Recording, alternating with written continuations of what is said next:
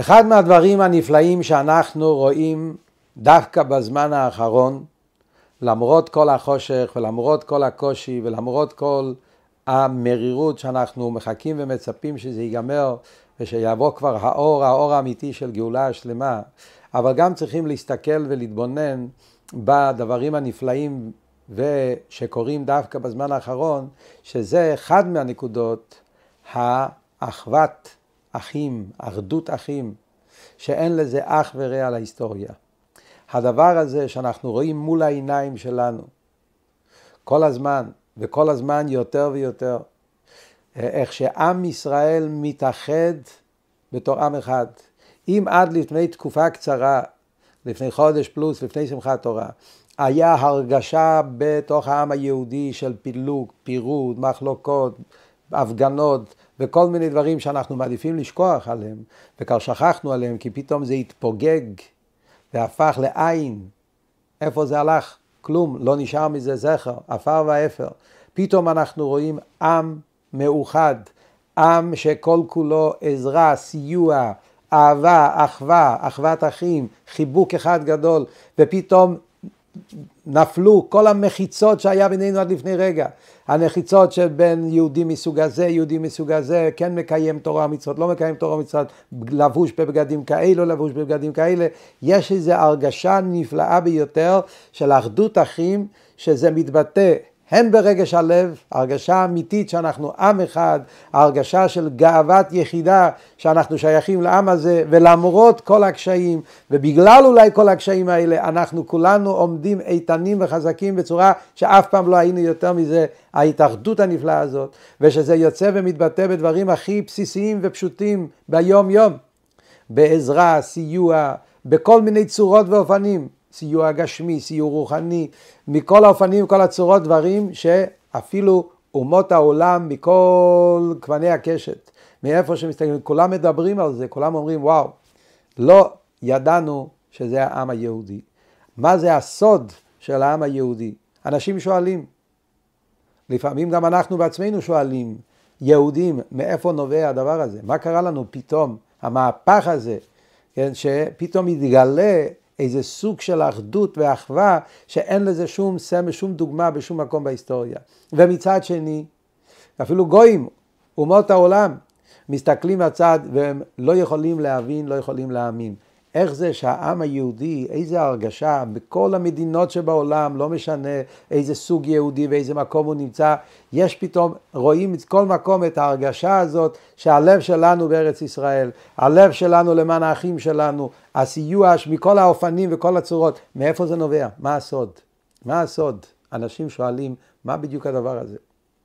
דברים פשוטים שקורים לי, אני גר בארגנטינה, שליח של הרבה בבונוס איירס, ארגנטינה. אז מטבע הדברים אנחנו גרים בין אומות העולם, בין גויים, ובכל מיני צורות יש לנו נפגשים, ואנשים מתחילים לשאול אותך, ומה שלום ההורים שלך, מה שלום המשפחה שלך שגים בארץ, ובצורה הכי טבעית, מה זאת אומרת האחים שלי? הרי כל עם ישראל, כולנו אחים. אנחנו משפחה אחת גדולה. כשלא מדברים אנחנו לא מדברים על ההורים הביולוגיים עכשיו, עכשיו מדובר על כל עם ישראל בתור מציאות אחת ויחידה, והם עומדים ומסתכלים עלינו, מה זה הדבר הזה? מה זה הדבר הזה? יהודי, יש לו הרגשה אמיתית, עמוקה וכנה, שכשמדובר על עם ישראל זה משפחה אחת גדולה. כולנו אחים. מאיפה זה נובע ומה הסוד? וזה אני רוצה היום לשפוך קצת אור, להגיע לנקודת העומק להסביר את הנושא של הערבות והאחדות, הדבר הזה הנפלא שיש בעם ישראל. ודבר נפלא שאנחנו נגלה, שהאחדות הזאת שיש בין העם היהודי, יש לזה קשר מאוד מאוד ישיר עם ארץ ישראל. ולכן דווקא בגלל שהיום המצב הדבר הזה שנוצר, נוצר בגלל המלחמה על ארץ ישראל ועל העתיד של ארץ ישראל, אז דווקא זה עוד באופן יותר יסודי ויותר עמוק מעורר את האחדות שיש בתוך העם היהודי בצורה הנפלאה, הנפלאה שאנחנו רואים את זה עכשיו. אז אנחנו יודעים מאמר חז"ל, חכמינו אומרים במסכת שבועות, במסכת סנהדרין, הגמרא אומרת, כל ישראל ערבים זה בזה. יש פסוק, פסוק אומר, וכשלו איש באחיו, פסוק בפרשת בחוקותיי, דווקא פסוק, פסוק שנאמר בתקופות של גלות, זה פסוק שנאמר בפסוקי, מה שנקרא הקללות, הפסוקים הלא, הלא נעימים שיש בתורה, ופתאום באמצע הפסוקים יש וכשלו איש באחיו. אומרת הגמרא, איש באחיו, מכאן אנחנו לומדים שעם ישראל ערבים זה בזה. יש עניין של ערבות. אנחנו יודעים שערב, בדרך כלל, זה בנושאים כספיים, בענייני ממון. יש בן אדם לוקח הלוואה, והוא רוצה להיות בטוח שאתה תחזיר את ההלוואה, אז הוא מבקש שיהיה ערב, והערב הוא זה שהוא לוקח אחריות שהחוב יוחזר. זה נקרא ערבות. יש עניין של ישראל ערבים זה בזה. סוג של ערבות, אחריות הדדית שכל העם היהודי קיבל אחד על השני. כשאנחנו מתחילים לבדוק את הנושא, הנושא הזה הוא נושא הלכתי שיש לזה הרבה השלכות מאוד מאוד מעניינות בהלכה. כמובן שיש את הנושא של הערבות בהלכה, בנושא, כמו שדיברנו, בנושאים של ממון, שאדם לוקח ערבות ואחריות שהחוב יחזור, ואם הלווה לא, יד... לא יכול להחזיר, אז הערב נכנס במקומו והוא זה שלוקח משתעבד, הוא זה שצריך להחזיר את הכסף. זה נושא של ערבות בנושאים של ממון. אבל אנחנו רואים שגם בנושאים של בין אדם למקום, בעבודת השם, יש גם הלכות מאוד מאוד מעניינות בקשר לנושא של הערבות. לדוגמה, מובא בהלכה כל הנושא של ברכת המצוות.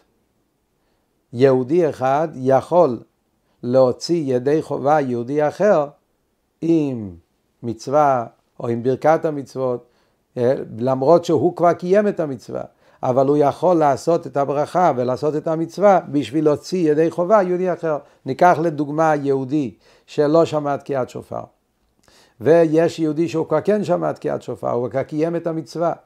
אז היהודי הזה שהוא כבר שמע תקיעת שופר, מן הדין יכול לקחת שופר, לתקוע ולהגיד את הברכה, ועל ידי זה להוציא את היהודי הזה שלא שמע.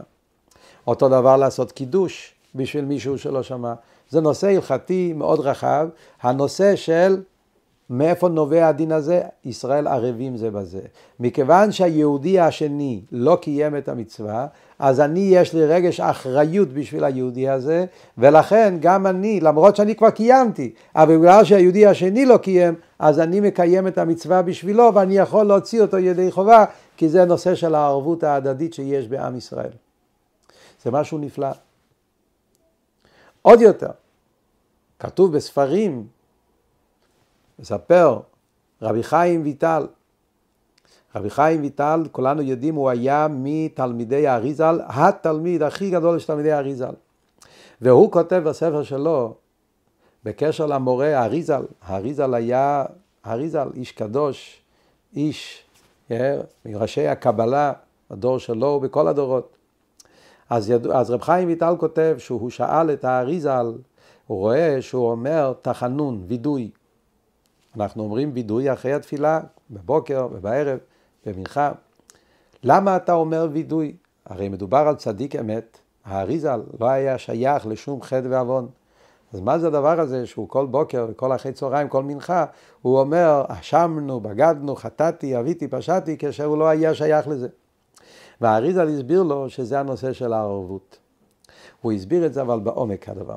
וכאן אנחנו נסביר יותר בעומק הדבר, להבין מה השורש של הערבות הזאת. מה זה באמת האחריות הזאת שיהודי יש לו את האחריות ואת הערבות בשביל יהודי אחר, למרות שהוא כבר קיים למה הוא צריך לחשוב השני, או בנושאים השני, בנושא של החטאים, שבגלל שיהודי אחר חטא, אז אני אומר אשמנו, בגדנו, בשביל עוד יהודים שחטאו. איך אנחנו מסבירים את זה?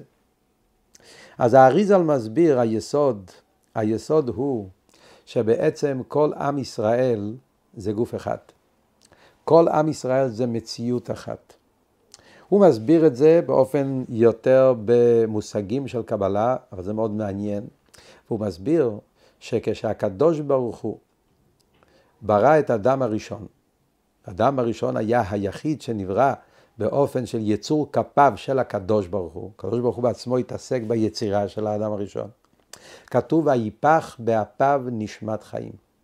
הקדוש ברוך הוא נפח בתוך אפיו, בתוך הגופו של האדם הראשון, את הנשמה. היא הנשמה הטהורה שעל זה נאמר חלק אלוקם ממעל ממש, כמו שאדמו"ר הזקן מסביר בתניא, את הדבר הנפלא הזה של הנשמה של יהודי שהיא חלק אלוקם ממעל ממש. הראשון שקיבל את הנשמה הזאת היה אדם הראשון. אומר האריזל שבנשמה של אדם הראשון היה לא רק הנשמה של אדם הראשון בעצמו, כי הרי אדם הראשון בסוף הוא לא היה, היה לא נחשב להתחלה של עם ישראל. התחלת עם ישראל עבר אחר כך לאברהם אבינו. זאת אומרת שזה קפץ עשרים דורות. הוא מסביר שזה בגלל חטא עץ הדת, אז היה את כל הדבר הזה שרק אחרי עשרים דורות אברהם אבינו קיבל את זה. אבל האדם הראשון, לפני חטא עץ הדת, כשהוא נברא על ידי הקדוש ברוך הוא, אז הקדוש ברוך הוא הכניס בו את הנשמה האלוקית. אומר האריזל, שבנשמה הזאת של האדם הראשון נמצא לא רק נשמה אחת, נמצאים שם 60 ריבוי נשמות ישראל. זאת אומרת שלא מדובר על נשמות פרטיות. יש נשמה אחת כללית, שבנשמה הזאת הכללית נמצאים כל השישים ריבו, שש מאות אלף ניצוצות של נשמות, שאחרי זה הם ירדו בעולם בזמן של יציאת מצרים, שאז יש את המספר של שישים ריבו בתורה. הנשמות האלה אחר כך התפצלו ל-60 ריבו, פעמים 60 ריבו, שזה כל הנשמות שיורדים בכל מיני זמנים בכל הדורות, שזה הכל ניצוצות וניצוצות של ניצוצות וענפים ו- ו- ועלים ופרחים, זה הכל פרטים ופרטי פרטים של אותם 60 ריבוי נשמות, שהם היו כולם כלולים בנשמה האחת והיחידה, שזאת הייתה בהתחלה נשמתו של אדם הראשון, ואז אחרי 20 דורות זה עבר ל... אברהם אבינו, היהודי הראשון, ליצחק, ליעקב, שהם אלו שהם בנו את עם ישראל. אז אם אנחנו מדברים על הערבות, זה הסוד של הערבות. למה ישראל ערבים זה בזה? למה יהודי מרגיש את היהודי השני? למה יהודי מרגיש אחריות בשביל יהודי השני? למה יהודי מתפלל בשביל יהודי שני? למה יהודי עושה מצוות בשביל יהודי אחר? מנסה לזכות אותו לקיים מצווה. ההרגשה הזאת של האחדות שמתבטא גם בדברים שבין אדם למקום וגם בדברים שבין אדם לחברו כמו שאמרנו. הערבות הזאת שיהודי מרגיש שהוא רוצה לעזור לשני, שיהיה לו מה לאכול, שיהיה לו בגדים, שיהיה לו בית לישון, שיהיה לו מנוחת הנפש, שישיג את הדברים שהוא צריך להשיג אותם בצורה של כבוד ומנוחה. ההרגשה הזאת היא הרגשה טבעית, מהותית, שקבועה, חקוקה ונמצאת בתוך חלק מהדם של היהודי, בגנים של יהודי, שזה אנחנו קיבלנו מתוך הדבר הזה שאנחנו בעצם נשמה אחת. כל ישראל ערבים זה בזה.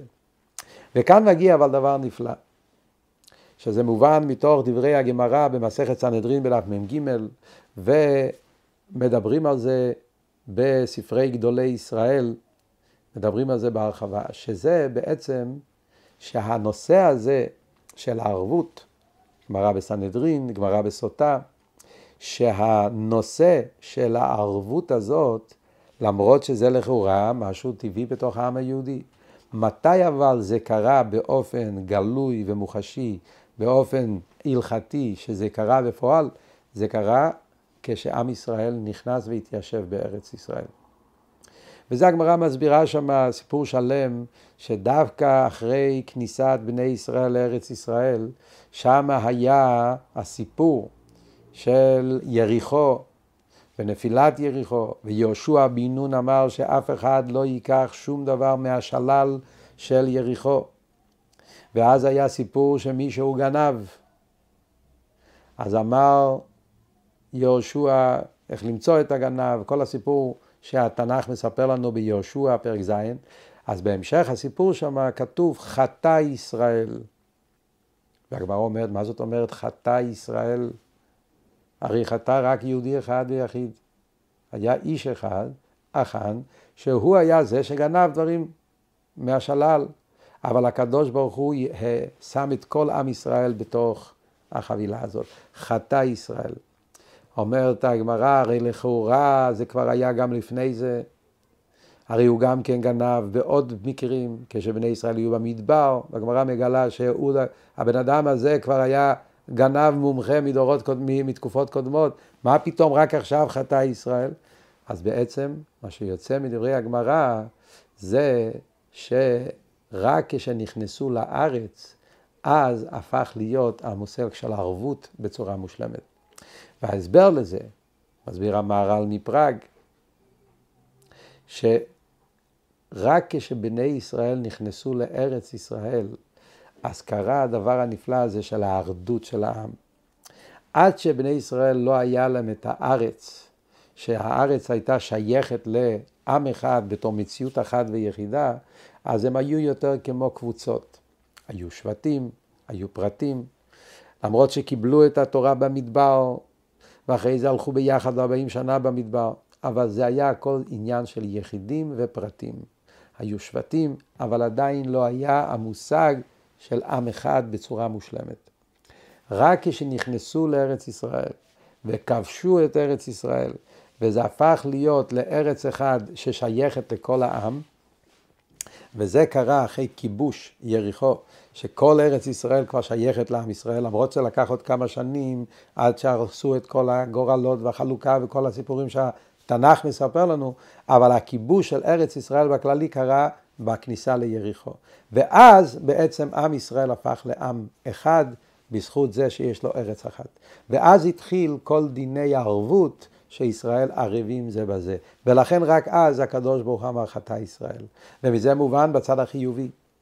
הערבות הזאת, החיובית, שיהודי בעצם מרגיש את השני, והוא יודע שהוא במעשים שלו יכול לעזור לשני, הוא בפעולות שלו יכול לעשות טוב ליהודי אחר, באיזה פינה שבעולם הוא נמצא, הערבות הזאת, האחדות הזאת, ההרגשה שיהודי מתפלל למען יהודי שנמצא בקצה השני של העולם, יהודי עושה מצוות לזכות היהודי שנמצא בקצה השני של העולם, והדברים האלה פועלים את הפעולה שלהם, כל זה התחדש כשעם ישראל נכנס לארץ ישראל והפך להיות למציאות אחת ויחידה. ועוד יותר אומרים גדולי המפרשים, שהדבר הזה, זה לא היה רק כשבני ישראל גרו בארץ ישראל. המהר"ל מפראג אומר, גם אחרי שעם ישראל הלך לגלות, ברגע שהעם ישראל קיבל את ארץ ישראל, אז זה הפך להיות לנצח. זה הפך להיות מציאות של עם אחד ויחיד ומאוחד לנצח. גם כשאנחנו נמצאים באיזשהו מקום שנהיה בעולם, גם בתקופות שבני ישראל מפוזרים בכל ארצות הנכר, גם אז אנחנו בעצם המהות שלנו, המקום שלנו זה ארץ ישראל. ולכן המציאות שלנו היא אחת ויחידה, ולכן מגיעה הערבות שעם ישראל ערבים, מאוחדים ומיוחדים זה עם זה. וכאן מגיע אדמו"ר הזקן, אדמו"ר הזקן אמר ביור מאוד מאוד נפלא על המאמר חז"ל הזה. מספר שכשהוא היה אצל אדמו"ר הזקן, כשהוא התחיל את דרכו בחסידות, הוא הגיע לרב המגין ממזריץ', שהוא היה תלמיד של הבעל שם טוב. אדמו"ר הזקן קיבל ממנו את תורת הבעל שם טוב, והוא שמע ממנו תורה על המילים כל ישראל ערבים זה בזה. והתורה אומרת ככה, המילה ערבים, יש לזה שלושה פירושים. ערבים זה מלשון, כמו שאמרנו, עניין של ערבות, אחריות, אחד אחראי בשביל השני. ערבים, הוא אמר, זה גם כמלשון תערובת, תערובת, מעורבים. יש איזו תערובת בין היהודים. והדבר השלישי, הוא אמר, ערבים זה גם כמלשון מתיקות. ערב, מאכל ערב, מתיקות. ואמר אדמו"ר הזקן בשם המגיד ממזריץ' בשם הבעל שם טוב. ישראל, יהודי, מעורב, מתערבב עם יהודי אחר. הוא לא נפרד ממנו, הוא לא מתנתק ממנו, הוא לא מתבדל. אני אני, אתה אתה, אין לנו קשר, להפך. יהודי מתערבב עם עוד יהודי, מתאחד איתו. יש את ההתערבבות, ההתאחדות בין יהודי אחד לשני. ויהודי הוא מתוק, יש ערבות ומתיקות יהודי אחד יש לו מתיקות ליהודי אחר, הוא אוהב אותו, הוא מסתכל עליו עם עין טובה, יש איזה משהו מתוק שמחבר ביניהם. ולכן ישראל ערבים, יהודי מרגיש אחריות למען יהודי אחר, והוא יעשה את כל התלוי בו כדי לעשות טוב ליהודי אחר. אז כאן מגיע הנושא הזה של הערבות וההתאחדות של עם ישראל, שאנחנו רואים את זה עכשיו בימים האלה בצורה הנפלאה ביותר. אבל כאן אני רוצה להוסיף עוד נקודה. כשמדברים על הערבות הזאת, האחדות שיש בין יהודי אחד לשני, הרי יש בזה כמה רמות, כמה נקודות, שבצורה של האחדות הזאת, בעומק של האחדות הזאת, שגם זה אחד מהדברים מאוד מאוד חשובים לשים לב בימים האלה. לפעמים אנחנו יכולים לעשות טעות, ולחשוב שאם אנחנו כולנו אחד, וכולנו עם אחד, אז אם ככה צריך להיות שלא יהיה חילוק, כולנו דבר אחד, כולנו צריכים לעשות אותו דבר, כולם צריכים להיות באותו עשייה, באותו דבר, וזה טעות. דווקא היופי של האחדות, היופי של האחדות של עם ישראל זה שכל יהודי יש לו את התפקיד המיוחד שלו, כל יהודי יש לו את העבודה המיוחדת שלו, ואת השליחות המיוחדת שלו, ודווקא מתוך זה אחד עוזר לשני, מסייע לשני, ממשלים את השני. האחדות הזאת היא האחדות האמיתית שיש בעם ישראל. אדמו"ר הרייץ, הרבי הקודם מלובביץ', אמר שהמילה צבא, כולם מדברים על הצבא. צבא זה עכשיו הדבר, הדבר הכי יקר שאנחנו כולנו רואים את ה... את העבודה הנפלאה, מסירות נפש ממש ביום יום, וכולנו תפילה למען החיילים שלנו, שיצליחו במלחמה, שיחזרו בשלום, בריאים ושלמים. אנחנו רואים שהמילה צבא, אומר הרבה, יש לזה פירוש הפשוט, צבא, שזה מלחמה, אנשי חיל, אבל גם כן בשורש, בלשון הקודש, צבא מגיע מלשון צביון. צביון זה ביטוי של יופי, ביטוי של צבעים, ביטוי של כמה צבעים שמתאחדים ביחד ועושים צביון, יופי. אומר הרבה, הפירוש צבא זה בדיוק הנושא הזה, שלא כולם אותו דבר. יש לכל אחד תפקיד מיוחד. כל יהודי יש לו שליחות מיוחדת. יש את אלו שצריכים להילחם ולהיות בחזית. ולעמוד בגופם לשמור על עם ישראל. יש את אלו שיושבים ולומדים תורה, יש את אלו שהם צריכים לתת צדקה, יש את אלו שצריכים להתפלל, יש כל מיני סוגים שונים בעם ישראל וכל אחד ואותו דבר במקומות, יש כאלו שצריכים להיות בארץ ישראל, כי זו השליחות שלהם. יש כאלה שהם צריכים להיות בחוץ לארץ, במדינה זאת או במדינה אחרת, כי זו השליחות שלהם. כל נשמה ירדה לעולם בשביל תפקיד מיוחד. ודווקא הפסיפס הזה, היופי הזה, הצבעים האלה, שכל העם היהודי וכל אחד ואחד עושה, והעשייה היא לא כמו עשייה נפרדת.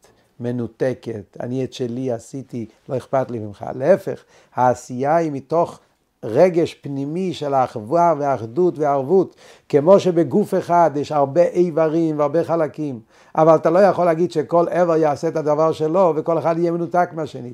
כל האיברים יודעים שעובדים למען גוף אחד, למען מטרה אחת. הראש בשביל הרגליים, הרגליים בשביל הראש, הידיים, כל החלקים של הגוף בעצם מרכיבים שלמות אחת שכל אחד בשביל השני. הנקודה הזאת היא נקודה עיקרית ביותר לדעת שכל אחד ואחד צריך לעשות את התפקיד והשליחות שלו, ויחד עם זה שיהיה אצלך ברור שהשליחות שלך היא למטרה של לאחד ולהביא למטרה הנכספת, השלמה, שבעצם כולנו עם אחד, תורה אחת וארץ אחת, ואנחנו יש לנו רק השם אחד ושמו אחד, ובקרוב על ידי זה, וזה בעצם הנקודה שאנחנו צריכים לחזק בימים האלה, כשרואים את האהבה והאחדות הנפלאה שיש בעם, לקחת את הנקודה הזאת ולנצל את זה עד הסוף, להבין את הכוח שלנו, שעם ישראל הכוח שלו באחדות, שכל אחד ואחד בכל מעשה שאנחנו נעשה, אנחנו נעשה את זה למען האחדות, למען הקשר, להרגיש את האחריות בשביל יהודי אחר, לא להתנתק אחד מהשני, להפך להתאחד אחד עם השני, להיות ערבים זה בזה. ולדעת את הערבות שלנו, שעל ידי התפילות שלנו במקומות כל אחד במקום שלו, העשייה שלנו, המצוות שלנו, הנחת תפילין שלנו, אז זה כל אחד עוזר לשני ומסייע לשני ובזכות זה החיילים יחזרו בשלום, החטופים יחזרו בשלום, המלחמה הזאת תיגמר ובעזרת השם נזכה שהאחדות הזאת תוביל לאחד האמיתי שכולנו מחכים. והיה השם למלך על כל הארץ, ביום ההוא יהיה השם אחד ושמו אחד, שזה יתקיים היום בקרוב בימינו ממש.